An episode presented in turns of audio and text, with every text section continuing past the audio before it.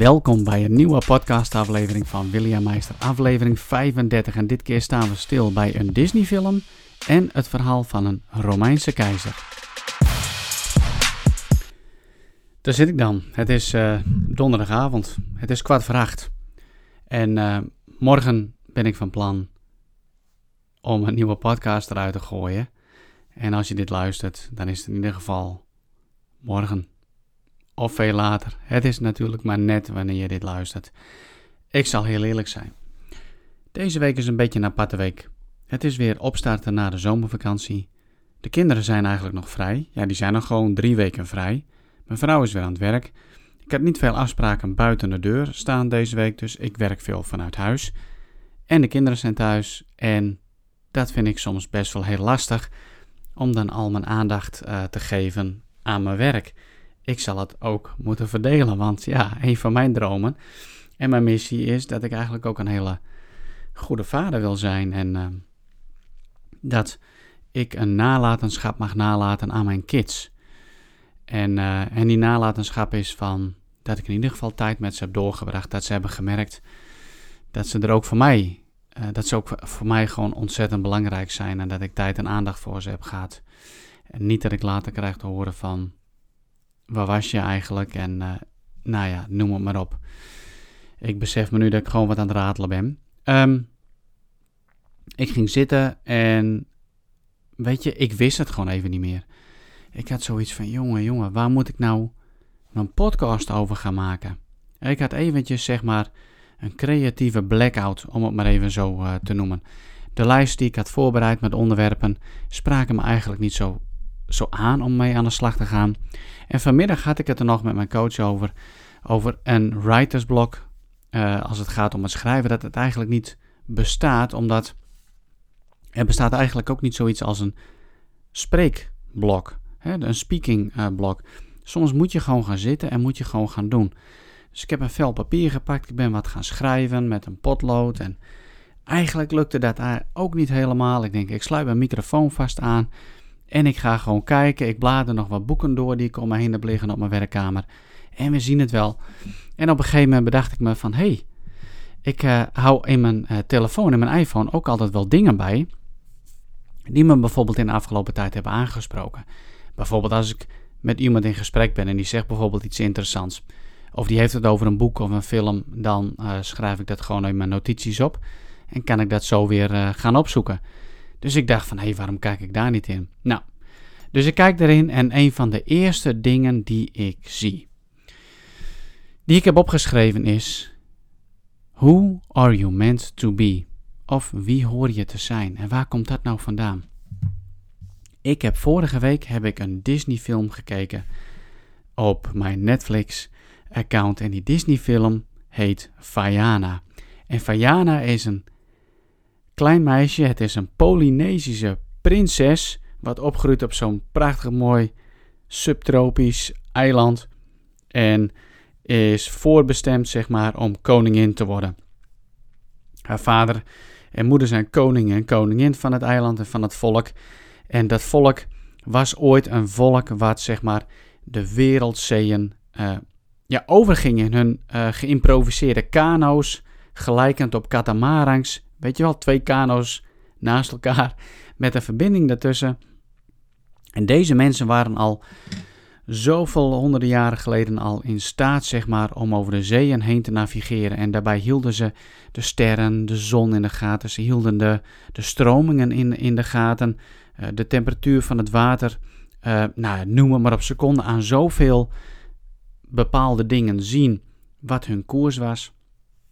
En het verhaal van deze Vajana is, is dat op een gegeven moment ging het, is het niet goed gegaan en, en heeft het volk een aantal tegenslagen gehad. En uh, toen de ja, toenmalige leiders zeg maar, van het volk, die kozen ervoor om te stoppen. Dus de kano's, uh, de grote zeekano's om het maar even zo te noemen, die werden allemaal uh, opgeruimd. En er mocht op een gegeven moment niet buiten een bepaalde, nou laten we zeggen, zoveel honderd meter buiten het eiland zeg maar, gevaren worden. Er werden geen ontdekkingstochten meer gedaan. En uh, dat kleine meisje dat groeit op met een ongelofelijke innerlijke drang om een kano te pakken, het water op te gaan en eigenlijk voorbij, uh, laat ik het noemen, het rif. uh, wilden gaan. Maar ja, iedere keer als ze het rif overheen gingen, dan uh, hadden ze al ervaren, dan, dan ja, was het water was gewoon wilder, de stromingen waren sterker en de kans op dat het mis zou gaan werd gewoon alleen maar groter. En voor het rif, dat was zeg maar het rustige gedeelte en daar konden ze lekker vissen. Maar op de een of andere manier vongen ze niet genoeg vis en, en, zat het gewoon uh, tegen op dat vlak. En dat meisje was inmiddels, nou, laten we zeggen, een, een jong pubermeisje geworden. En dat kwam ook met het idee van, we moeten voorbij het rif, we moeten op zoek gaan naar nieuwe visgronden. En we zullen er echt gewoon op, op, op uit moeten. En uh, nou ja, een hoop weerstand, een hoop tegenstand. Niemand die het wilde. De koning zei gewoon resoluut nee, dat gaan we niet doen. Allemaal veel te gevaarlijk. Vroeger misgegaan. Nou, je raadt het al. Meisje is gewoon haar eigen gang gegaan. Heeft op een gegeven moment een van zo'n grote kano gepakt. Is erop uitgegaan. En, uh, en gaat het avontuur aan. En, en daarin ontmoet ze dan nog zo'n een of andere halfgod. En ja, die bleven allerlei avonturen. En natuurlijk aan het einde van het verhaal She saves the day, ze redt het allemaal. En haar voorbeeld van uh, moet erop uitgaan en weer terug te gaan in hun uh, explorers-rol. Ja, dat, dat inspireerde eigenlijk gewoon weer, weer iedereen. Maar het was, ja, het ging eigenlijk heel erg ook over identiteit. Uh, wie ben je? Wie wil je zijn? Waar sta je voor? Wat wil je eigenlijk bereiken? En het deed me eigenlijk ook wel een klein beetje denken aan, zeg maar, onze comfortzone. Kijk, als we uh, bij het bekende blijven, in het rustige water blijven, dan zullen we nooit verrast worden door iets extra's, door iets meers of wat dan ook maar. Dus we zullen uit onze comfortzone moeten gaan. We zullen met ons schip, symboliserend zeg maar onszelf, met ons bedrijf of met onze carrière, zullen we het rif overheen moeten gaan. En zullen we ook gewoon moeten gaan accepteren dat daar ja, het water gewoon wilder wordt, de stromingen sterker worden en dat het dus ook mis kan gaan. Het kiezen voor de veilige zone, de comfortzone, het rustige water, gaat ons dus niet brengen waar we eigenlijk voor gemaakt zijn. Ik geloof gewoon dat wij als mensen in staat zijn tot geweldige, mooie dingen. En dat we van nature echt wel mensen zijn die op ontdekkingstochten gaan en uit een comfortzone gaan om zo zeg maar ons leven te verrijken, maar niet alleen ons eigen leven te verrijken, maar ook het leven te verrijken van mensen om ons heen. Denk na over alle grote uitvindingen en nieuwe landsontdekkingen en noem het maar op. Weet je, daar moeten we uit onze comfortzone gaan. Denk aan de eerste maanlanding.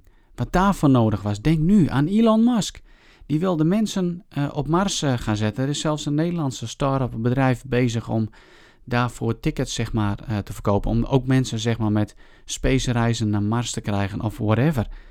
Maar hoe gaaf is dat? Het zit gewoon ten diepste zit het in onze natuur, in ons wezen als mens zijnde. Expansiedrift, eruit willen gaan, uit willen breken uit het normale, uit het gewone. En wat is dat voor jou op dit moment in jouw leven? Is dat je werk, je baan, je onderneming, uh, je relatie uh, met je vriend, met je vriendin, whatever.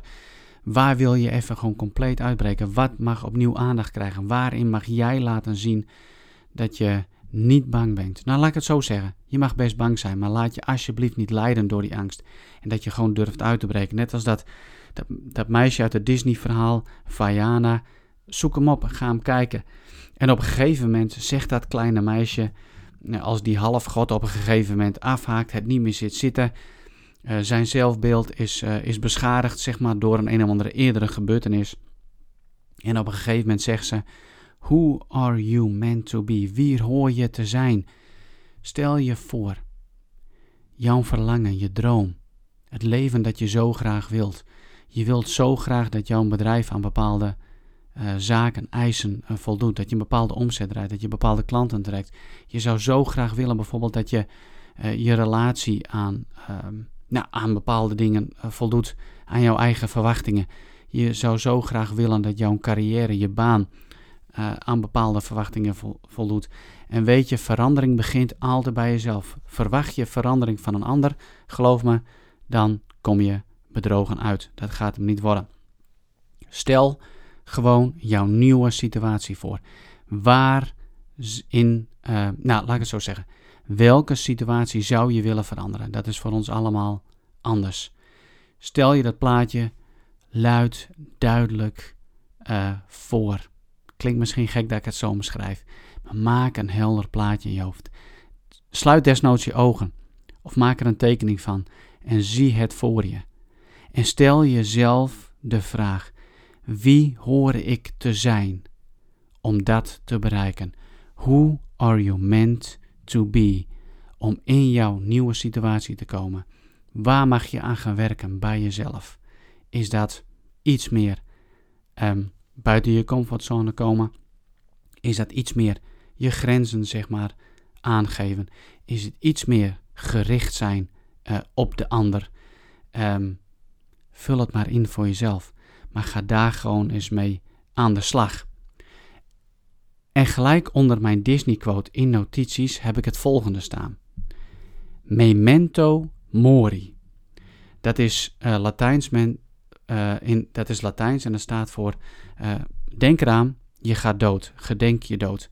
En ik kwam daarop omdat ik een YouTube filmpje zag van Gary Vaynerchuk. Nou, hij is zeg maar zo'n marketing guru, social media guru. En zoek hem rustig op als je hem nog niet kent. En daar kun je ontzettend veel van leren als het gaat over social, social media. En ik weet nog heel goed, hij reed in zijn, uh, zijn auto, laat zich altijd rondrijden in, uh, in Uber-auto's. En er stonden allemaal fans uh, buiten en zijn raampje gaat naar beneden. En dan komt een fan en die zegt: Alsjeblieft, alsjeblieft, zeg eens inspirerends, iets bemoedigends tegen mij. Ik heb het zo nodig, enzovoort. En hij kijkt er gewoon heel strak aan en dan zegt hij gewoon: You're gonna die. En het kwam best wel als een shock aan bij dit meisje, maar hij bedoelt het gewoon heel erg serieus. Ik weet bijvoorbeeld ook dat Julius Caesar had. Um, Nee, niet Julius Caesar, Marcus Aurelius. Uh, misschien ken je die naam wel uit de film The Gladiator met Russell Crowe, daar komt hij ook in voor. Maar hij is dus echt een Romeinse keizer geweest en die had een, altijd een penning bij zich. Een munt waarop stond memento mori, om zichzelf aan te herinneren. hey, het leven is eindig, je gaat dood. Denk nog even terug aan het verhaal van Vajana. In je comfortzone blijven en datgene wat jij wilt uh, bereiken. Oké? Wie hoor je te zijn om dat te bereiken?